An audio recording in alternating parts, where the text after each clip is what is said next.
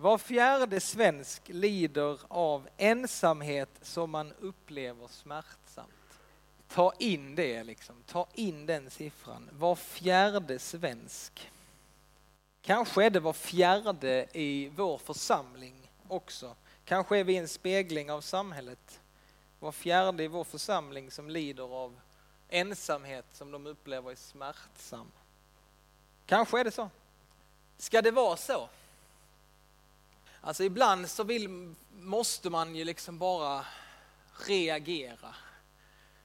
Och jag vill på något sätt, jag vill att vi som församling på något sätt bara liksom ska få säga nej. Det kan inte vara så här. Det är inte okej okay att det är så här. Är ni med mig? Visst är det? Det är inte okej. Okay. Någon måste reagera. Och jag vill att vi ska reagera. De här fyra veckorna, ja men hela terminen, hela fortsättningen av vårt församlingsliv, det är inte okej. Okay. Denna temaserie sträcker sig över fyra veckor och vi ska ta oss an detta med vänskap. Vi ska försöka liksom vara ärliga mot oss själva. Hur är det egentligen med oss? Våga öppna oss för varandra. Och självklart så är Jesus Kristus vår frälsare och han är vår första och största förebild. Eh, och i den här församlingen så vill vi bli lika honom. Och vi tror att vi kan bli lika honom. För det tror han om oss. Han har sagt det att vi ska bli lika honom. Och vi vill ta han på orden. Vi vill likna honom. Vi vill bli mer lika honom. Och Jesus han hade de här tre relationerna som följde han under hela hans livsvandring. Relationen uppåt med sin fader. Relationen inåt till sina lärjungar, några utvalda, en liten grupp människor som han delade livet med, som han vandrade tillsammans med och så riktningen ut. Den lidande världen omkring honom, människor som han mötte. Och vi ska nu få läsa från Lukas kapitel 6, ett fantastiskt ställe där vi får se de här tre riktningarna i Jesu liv. Jag läser i Jesu namn. Vid samma tid så gick han, Jesus, upp på berget för att be. Och natten igenom bad han till Gud. Och när det blev dag samlade han sina lärjungar och bland dem valde han ut tolv som han kallade apostlar. Simon, som han också gav namnet Petrus, hans bror Andreas, Jakob, Johannes, Filippos, Bartolomeus, Matteus, Thomas, Alfaios son Jakob, Simon som kallades Seloten, Jakobs son Judas och Judas Iskariot, han som blev förrädare. Sedan gick han ner tillsammans med dem och stannade på ett ställe på slätten. Det var en mängd lärjungar till honom, en stor folkmassa från hela Judeen och Jerusalem och från kustlandet vid Tyros och Sidon. De hade kommit för att lyssna på honom och få sina sjukdomar botade. Och de som plågades av orena andar blev hjälpta och hela hopen försökte röra vid honom, ty det gick ut kraft från honom och han botade alla. Alltså här kan vi tydligt se de tre dimensionerna som Jesus levde i. Relationen upp, relationen in, relationen ut. Och för oss så är det kanske enklast med relationerna in och ut. Det är inte så svårt att känna igen, liksom. man står i relationer med andra människor eh, som man kan se och ta på. Vi kan både se och höra dem. Liksom. Men hur kan man leva i en levande relation uppåt med Gud? Hur kan vi på riktigt få uppleva den relationen till Gud den allsmäktige, universums skapare? Jo, jag ska läsa från Mika, profeten Mika kapitel 6, så står det så här. Vad begär väl Herren av dig? Annat än att du gör det som är rätt att du älskar barmhärtighet och vandrar i ödmjukhet med din Gud. Alltså hur ska vi umgås med vår Gud i relationen uppåt? Jo, vi ska vandra med honom. Vi vandrar med Gud. Det är så Jesus vill att vi ska göra. Vi vandrar med honom. Jesus han sa det till sina lärjungar, följ mig, följ mig, följ efter mig. De första lärjungarna kallade vägens folk, de som gick vägen, de som vandrade med Gud. Och jag tänker detta är en jättebra bild för att just illustrera bilden eller relationen uppåt. Att få vandra med Gud genom livet. För det är lätt att vi förminskar relationen med Gud enbart till att, att det handlar om att prata med honom. Eller att lyssna till honom. Att det är liksom bara genom bön som vi kan ha kontakt med Gud. Och när vi säger vårt amen så pausar vi relationen med Gud fram till nästa bönetillfälle och då kopplar vi upp oss igen mot Gud. Alltså tänk själv om en relation till en nära vän bara skulle bestå av samtal. Tänk om din relation med ditt barn eller din livspartner bara skulle bestå av samtal. Alltså det skulle vara en rätt så begränsad relation. Man hade liksom missat allt det där emellan. Bara vara tillsammans utan ord, att uppleva saker tillsammans. Därför är det att vandra med Gud en väldigt bra bild för vår relation med honom. Vi pratar inte bara med honom. Vi har inte bara liksom ett informationsutbyte utan vi vandrar med honom under hela vår dag. Han vill inte bara ha en liten bit av din dag, utan han är med dig alltid. Han vill dela allt med dig. Tänk vilken vän va? Du har en vän som är med dig alltid och som vill dela allt med dig.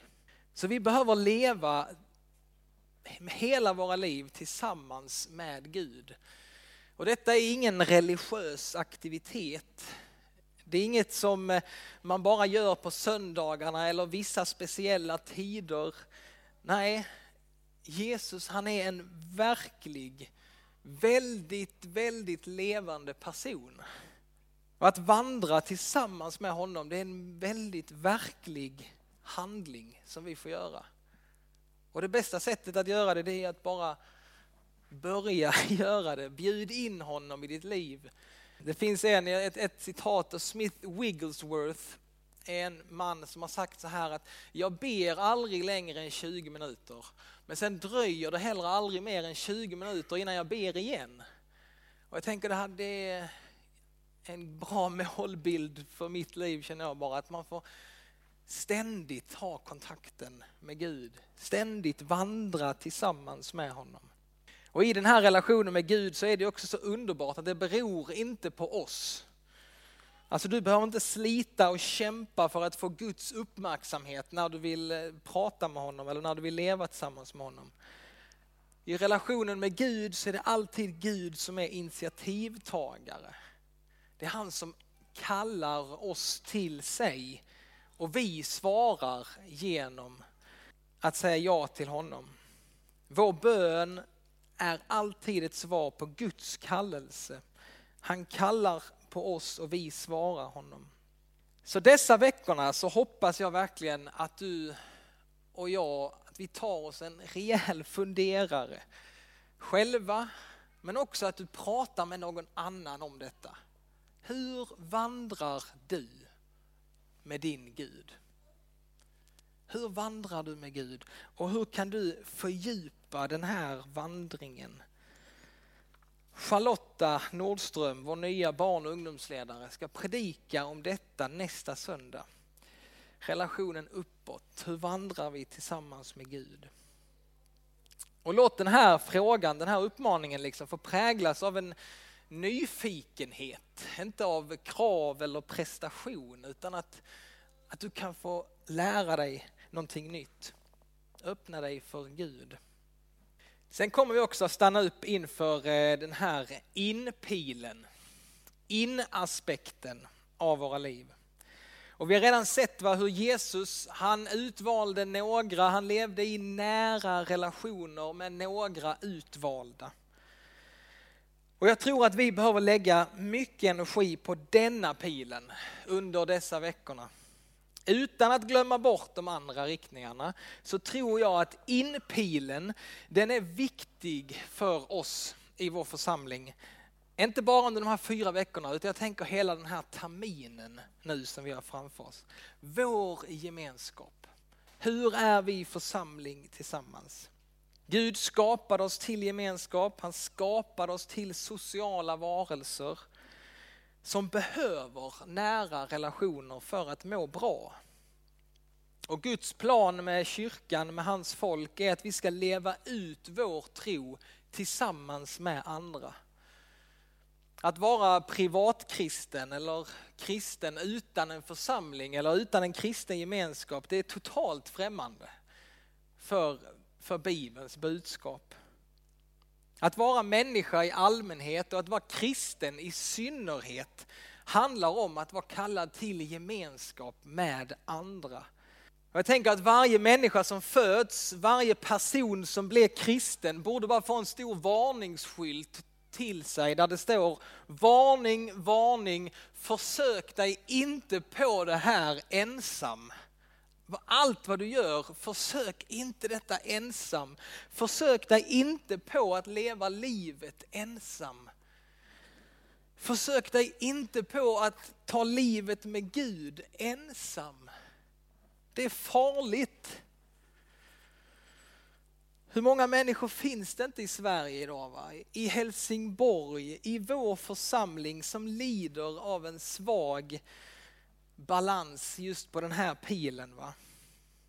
Inpilen. Var fjärde svensk lider av ensamhet som är smärtsam. Så vi kan ju bara erkänna det, att vi är ett folk som är dåliga på gemenskap. Det är ju bara så. Och när nya människor kommer hit till vårt land, oh, detta är så pinsamt. När nya människor kommer hit så berättar vi för dem att man ska inte prata med någon på bussen. För det gör inte vi svenskar. Alltså när man hör detta, det är så pinsamt. Eller så, man ska inte se någon i ögonen när man går ut i trapphuset. För det gör inte vi svenskar. Hälsa inte på en främling. Alltså vi säger det till de som kommer hit till vårt land. Det är helt vansinnigt. Vi borde ju säga tvärtom till dessa nysvenskar. Kan inte ni lära oss lite om gemenskap istället? För vi håller på att dö här av ensamhet. Bli inte som vi, utan kan inte ni lära oss istället lite om gemenskap? Och jag ser det som att vi som Guds församling idag i den här tiden i Helsingborg så har vi ett guldläge. Alltså det är sånt guldläge för oss. För vi kan erbjuda en gemenskap som inte gör skillnad på människor. Som älskar varandra, som hela tiden öppnar upp och välkomnar fler in i vår gemenskap.